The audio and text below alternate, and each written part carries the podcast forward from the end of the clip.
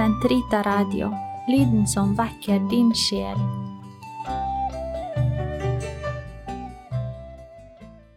Kroppens teologi, en kommentar til pave Johannes Paul 2.s onsdagskatekeser av Eirik Ambrosius Stenhoff. Totus tuus ego sum, et omnia mea tua sunt, Archipio te in mea omnia, prebe mi cor tum Maria. Episode 21 Fordypning Å nærme seg virkeligheten som et tegn. Del 2 Myte, virkelighet og fortellingens kraft.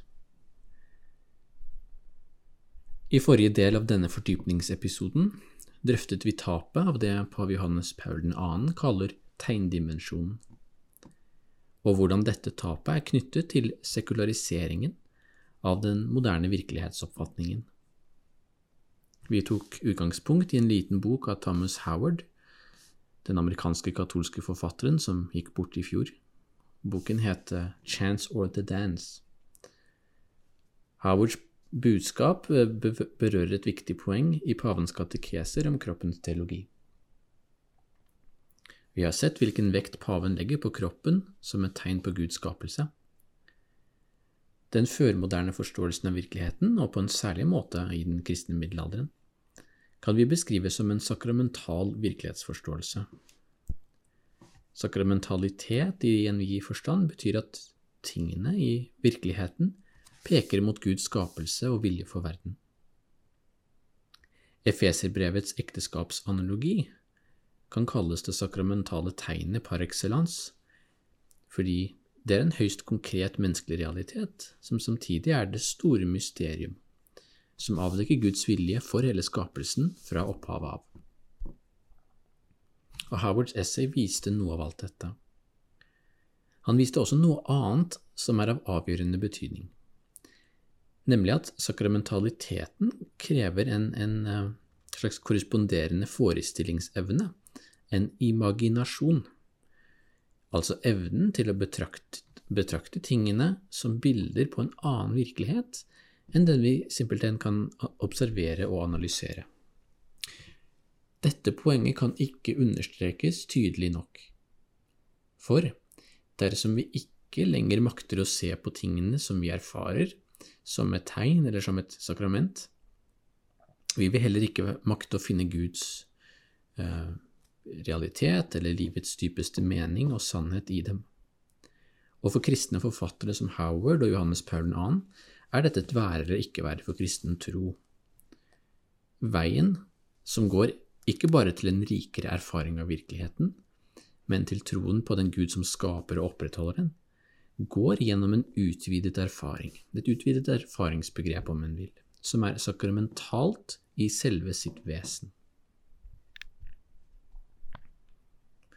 La oss nå se på et aktuelt og, tror jeg, representativt eksempel på den motsatte tendensen av dette, som er så utbredt i vår tid, gjennom den populærvitenskapelige forfatteren Yuval Noah Harari. Harari er kjent for sine ambisjonsrike bøker om menneskehetens historie og fremtid. De heter Sapiens og Homo Deus, henholdsvis og dette er av den typen litteratur som selger i millioner av eksemplarer på flyplasser verden over, som en slags illustrasjon over det moderne menneskets selvbilde.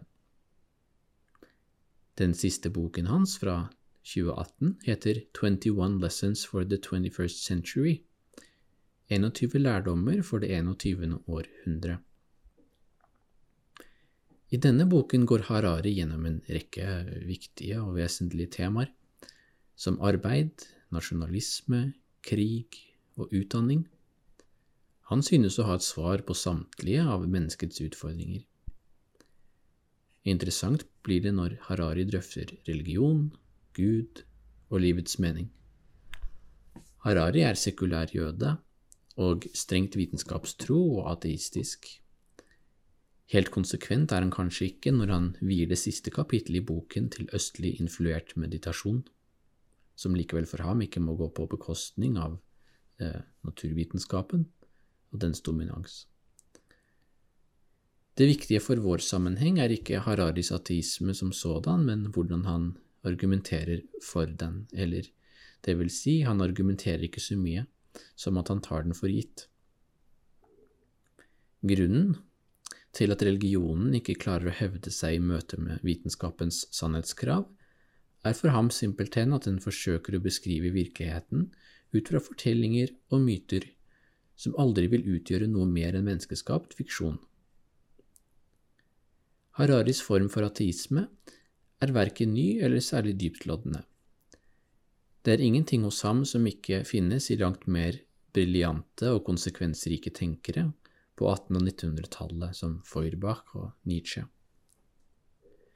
Men nettopp derfor er den så interessant eh, for oss, fordi Harari viser hvor langt vi er kommet i å tenke på verden som avforskyllet og uten en rikere mening enn den vi kan avlese gjennom naturvitenskapelig metode. Kapittelet i boken som heter Meaning, mening, har undertittelen Life is not a story. Livet er ingen fortelling.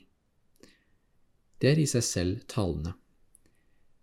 Når Harari skal argumentere mot religionen og for et mer rasjonelt og bærekraftig livssyn for det 21. århundre og fremover, er det fordi religionen byr på fortellinger og virkeligheten på fakta. Og for ham er alle slike forsøk på myteskaping gjennom historien for så vidt en del av hvordan menneskerasen håndterer virkeligheten, men det er også en potensiell trussel mot fremskritt og opplysning. Det gjelder like mye for hinduismens mytiske livssyklus som for Karl Marxes eh, kommunistiske utopi, som fortellingen om Jesu Kristi liv og død. Grunnlaget for den kristne kjernefortellingen beskriver Harari som empirisk sett svært tynt. Han antyder at det var nødvendig å dikte opp tradisjoner og ritualer, fremfor alt messeliturgien, for å skape en sosial enhet som var sterk nok til å bære dette budskapet, som altså var litt tynt. Harari definerer et rituale som citat, en magisk handling som gjør det abstrakte konkret og det fiktive virkelig. Essensen i et rituale er trylleformeren hokus pokus, x er lik y. Sitat slutt. Og videre slår han fast at Svært mye annet kan bli til et rituale om en vil, som å tenne lys, ringe i bjeller, bøye hodet, legge seg flat osv. Han nevner også den rituelle verdien i mat i ulike religioner og kulturer. Hararis kapittel om livets mening beveger seg videre i en lang rekke assosiasjoner og digresjoner som etter hvert får en litt utmattende effekt.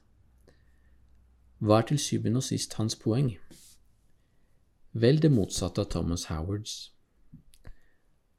Harari har altså en bestemt agenda, han ønsker å avlive myter til fordel for virkeligheten.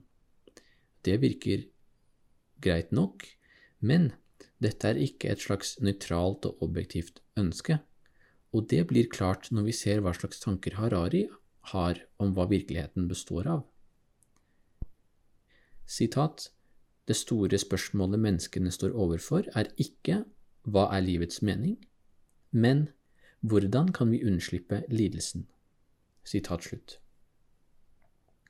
Slik oppsummerer altså Harari sin sak, og han mener at vi mennesker er blitt svært dårlige på å se forskjellen mellom fiksjon og virkelighet, fordi vi er så vant til å konstruere fiktive fortellinger for å håndtere verden og i stedet må vi begynne med lidelsen, sier han, som han kaller for det mest virkelige vi har i verden.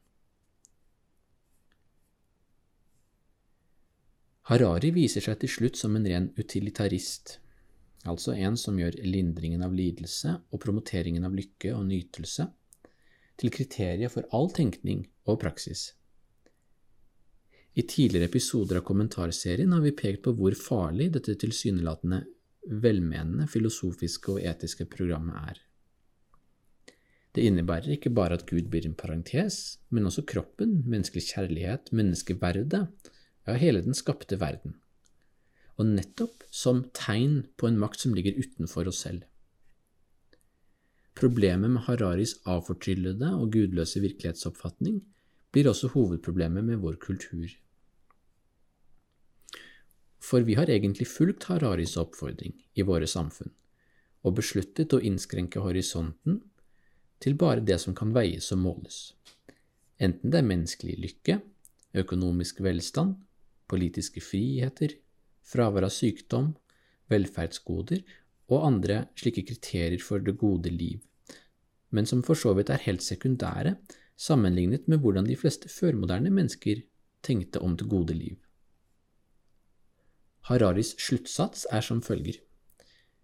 Sitat Om du ønsker å vite sannheten om universet, om meningen med livet og om din egen identitet, er det beste stedet å begynne å observere lidelsen og utforske hva den er. Sitat slutt. Så langt virker alt godt, og man kan med noen mulige forbehold også slutte seg til dette som kristen.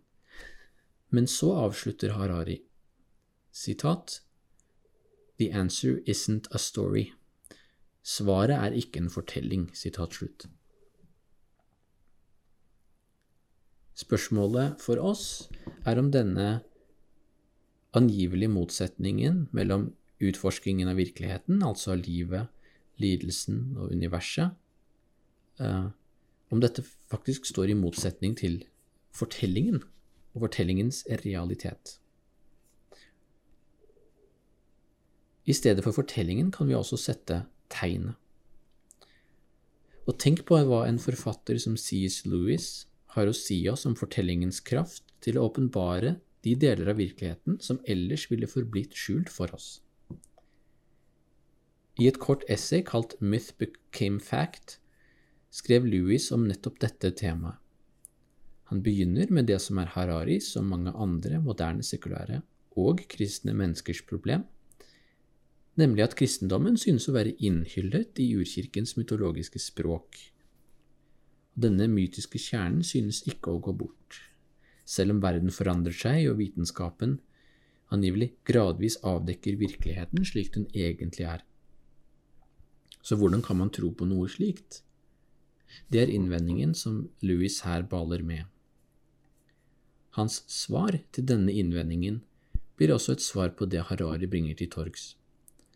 Og han begynner der Harari sluttet, med å bemerke hvordan menneskets intellekt er nokså abstrakt, mens realiteten omkring oss er ytterst konkrete. Han nevner lidelse, nytelse, denne hunden, denne konkrete mannen. Når vi erfarer disse tingene, disse realitetene, tenker vi ikke på dem på en abstrakt måte, vi lever dem simpelthen.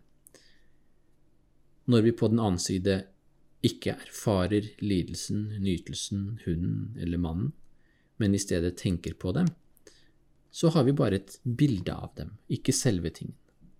Og så langt er alt vel. Dette er Exfil pensum, og Harari ville nok også vært enig i denne distinksjonen. Men Louis' videre poeng er at myten er det neste skrittet som vi må ta her. Det finnes en viss tragedie, skriver Louis, i at vi ikke makter å erfare tingene på en like umiddelbar måte når vi tenker på dem. Mytedannelse er en del av løsningen på det tragiske problemet, sier han. For gjennom myten kan vi rekonkretisere det som vi var nødt til å abstrahere.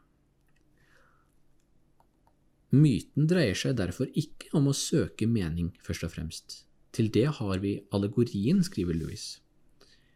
Myten dreier seg i stedet om å beskrive virkeligheten på en måte som nettopp ikke er abstrakt, men konkret og partikulær, med et språk vi kjenner, ved bruk av eh, begreper og bilder som vi kjenner. Og I så måte tar Harari helt feil i sine antagelser om hvilken funksjon eh, og opphav myter og fortellinger i det hele tatt har. Og aller mest feil tar han når det gjelder kristendommens egen selvforståelse. Og Louis skriver som følger om dette, som vi kan også la eh, bli det siste ordet her. Sitat På samme måte som myten overskrider tanken, overskrider inkarnasjonen selve myten. Kristendommens hjerte er en myte som også er et faktum. Ved å bli et faktum opphører det ikke å være en myte, og det er miraklet. Jeg mistenker at mennesker ofte har fått mer åndelig næring fra myter de ikke trodde på, enn fra religioner de bekjente seg til. For å være virkelig kristne må vi både slutte oss til det historiske faktum og motta myten, selv om den er blitt et faktum, med den samme fantasirike kraft som vi tilkjenner alle myter. Sitat slutt. I den tredje og siste del av fordypningsepisoden skal vi komme tilbake til onsdagskatekesene om kroppens teologi og knytte noen eh, refleksjoner til problemer knyttet til kjønnsidentitet og kropp i vår kultur. Gloria patri et filio et spiritui sancto, sicut erat in principio et nunc et semper, et in secula saeculorum. Amen.